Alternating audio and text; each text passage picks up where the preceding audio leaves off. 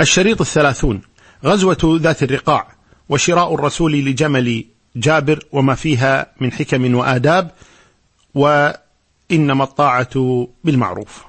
فبعد أن فرغ النبي صلى الله عليه وسلم من اليهود في خيبر بلغه صلوات الله وسلامه عليه اجتماع بعض قبائل العرب منها قبيلة أنمار وبني ثعلبة وبني محارب وكل هؤلاء من غطفان. فأسرع النبي صلى الله عليه وسلم بالخروج إليهم في أربعمائة من أصحابه صلوات الله وسلامه عليه. وهذه الغزوة هي التي تسمى بذات الرقاع. وأكثر أهل العلم يذكرون هذه الغزوة في السنة الرابعة. والذي يظهر والله العالم أن هذا هو مكانها أي في السنة السابعة. وذلك أن أبا موسى الأشعري رضي الله عنه ذكر أنه كان موجودا في هذه المعركة وهو لم يأتي إلا زمن خيبر مع الأشعريين رضي الله عنه وأرضاه. وكذلك الأمر بالنسبة لأبي هريرة. فقد أخرج البخاري عن أبي موسى الأشعري رضي الله عنه قال خرجنا مع رسول الله صلى الله عليه وسلم ونحن ستة نفر بيننا بعير نعتقبه فنقبت أقدامنا أي تورمت وجرحت. ونقبت قدماي وسقطت أظفاري فكنا نلف على أرجلنا الخرق فسميت ذات الرقاع لما كنا نعصب الخرق على أرجلنا. وعن جابر رضي الله عنه وعن أبيه قال كنا مع النبي صلى الله عليه وسلم بذات الرقاع فإذا أتينا على شجرة ظليلة تركناها للنبي صلى الله عليه وسلم. يقول فنزل رسول الله صلى الله عليه وسلم وتفرق الناس في العضاء أي في أماكن الزرع هذه. يستظلون بالشجر. ونزل رسول الله صلى الله عليه وسلم تحت شجرة فعلق بها سيفه. قال جابر فنمنا نومه. فجاء رجل من المشركين فاخترط سيف رسول الله صلى الله عليه وسلم. اخترط أن يخرجه من غمده ثم قال أتخافني؟ يقول للنبي صلى الله عليه وسلم. قال صلوات الله وسلامه عليه. ذلك الذي سمع قول الله تبارك وتعالى والله يعصمك من الناس. قال لا. قال فمن يمنعك مني؟ قال الله. قال جابر فإذا رسول الله صلى الله عليه وسلم يدعونا فجئنا فإذا عنده أعرابي جالس. فقال صلوات الله وسلامه عليه إن هذا اخترط سيفي وأنا نائم فاستيقظت وهو في يده صلتا أي حادا ظاهرا أخرجه من غمده. فقال لي من يمنعك مني؟ قلت الله فإذا هو ذا جالس. ثم لم يعاتبه صلوات الله وسلامه عليه. وفي رواية أخرى عند أبي عوانة أن النبي صلى الله عليه وسلم لما قال له الله يمنعني منك سقط السيف من يد الأعرابي فأخذه رسول الله صلى الله عليه وسلم فقال له من يمنعك مني؟ فقال الأعرابي كن خير آخذ. قال النبي صلى الله عليه وسلم تشهد أن لا إله إلا الله وأني رسول الله؟ قال الأعرابي أعاهدك ألا أقاتلك ولا أكون مع قوم يقاتلونك. قال فخلى سبيله فجاء إلى قومه أي الأعرابي فقال جئتكم من عند خير الناس. وهذا الأعرابي اسمه غورث ابن الحارث. لا شك أن هذا هو خير الناس صلوات الله وسلامه عليه.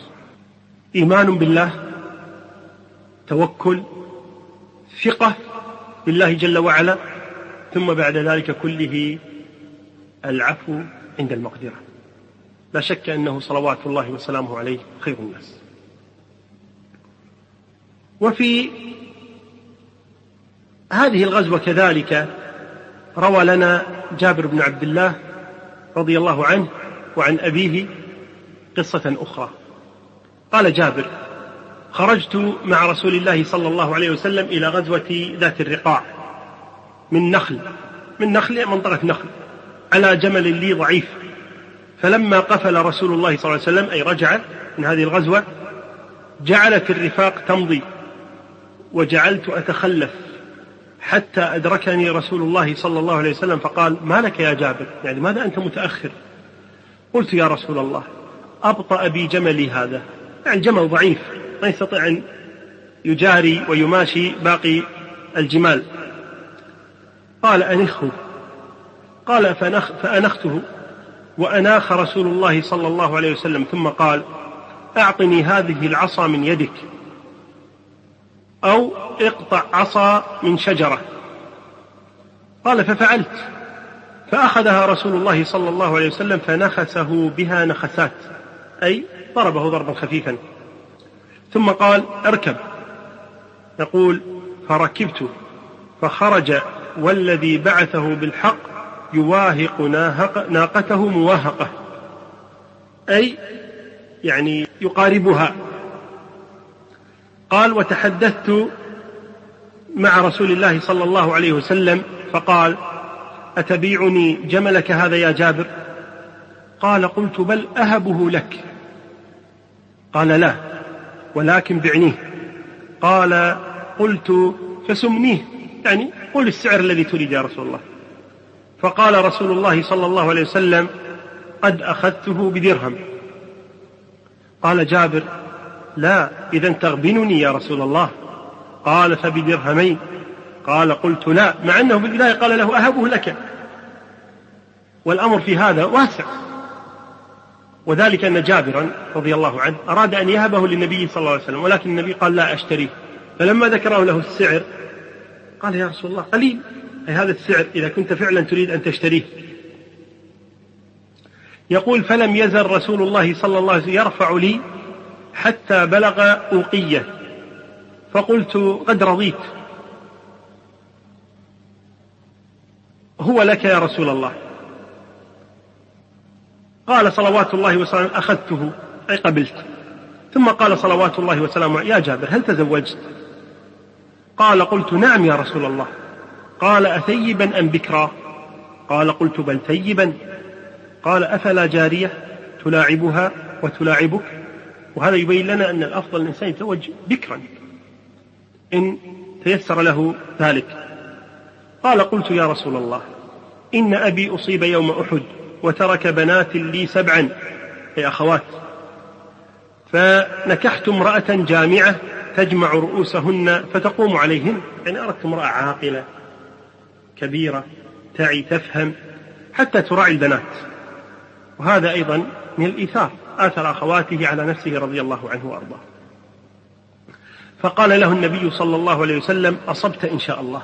أي إذا كان هذا السبب فأصبت. أما إنا لو جئنا صرارا أمرنا بجزور فنحرت فأقمنا عليها يومنا ذلك وسمعت بنا فنفضت نمارقها. أي وزعت الوسائد. قال فقلت والله يا رسول الله ما لنا نمارق. قال إنها ستكون فإذا إن أنت قدمت فاعمل عملا كيسا. قال فلما جئنا صرارا أمر رسول الله صلى الله عليه وسلم بجزور فنحرت وأقمنا عليها ذلك اليوم.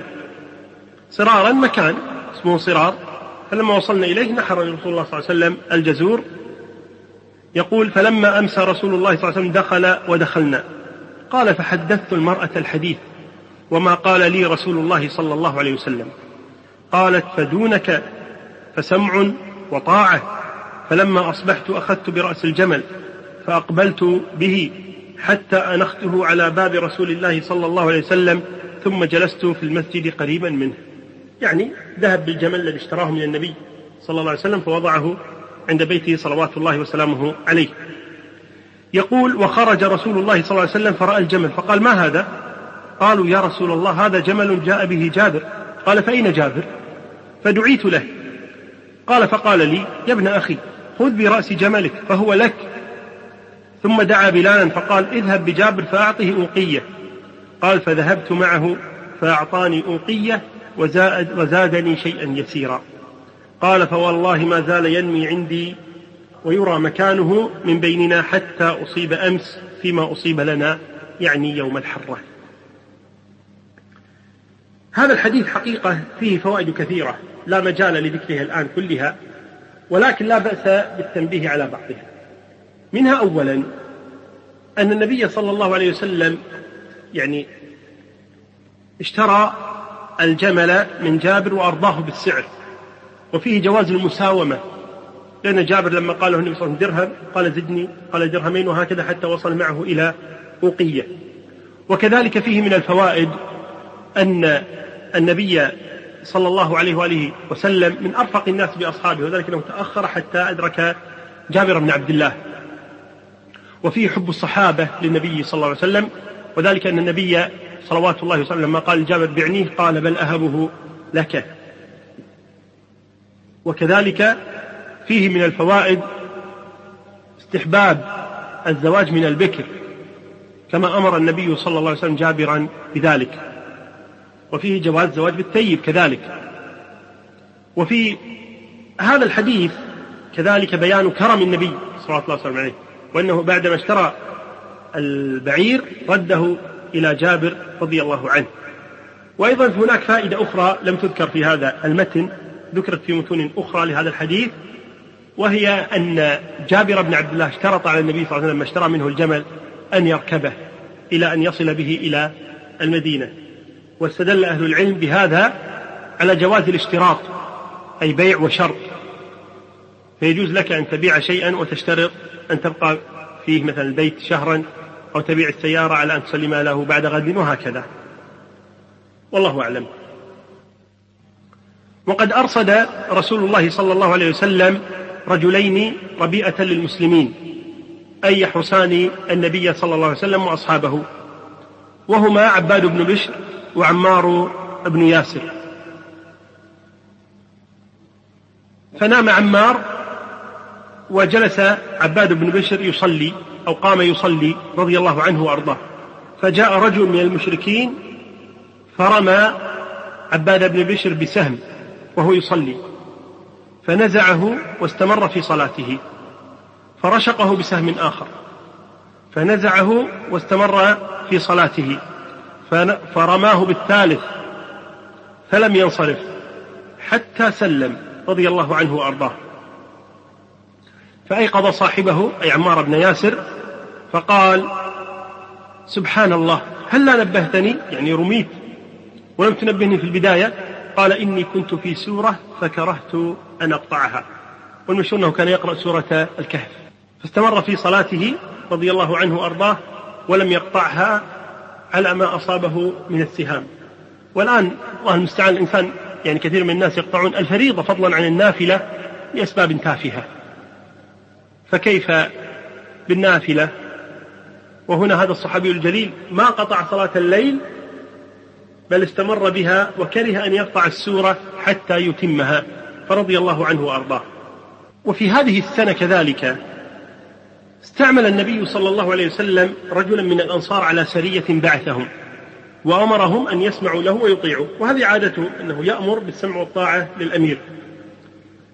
فأغضب أولئك القوم أميرهم فقال لهم اجمعوا لي حطبا فجمعوا له فقال أوقدوا نارا فأوقدوا. ثم قال ألم يأمركم رسول الله صلى الله عليه وسلم أن تسمعوا لي وتطيعوا؟ قالوا بلى. قال فادخلوها. ادخلوا هذه النار. هذا أمر عجيب جدا. يعني هو فهم أنه طالما النبي صلى الله عليه وسلم أمرهم بالسمع والطاعة إذا يطيعونه في كل شيء حتى لو كان في معصية الله تبارك وتعالى. فقال ادخلوها. فنظر بعضهم إلى بعض وقالوا إنما فررنا إلى رسول الله صلى الله عليه وسلم من النار. إن هاجرنا وآمنا واتبعنا رسول الله صلى الله عليه وسلم لكي ننجو من النار لا لكي نسقط فيها.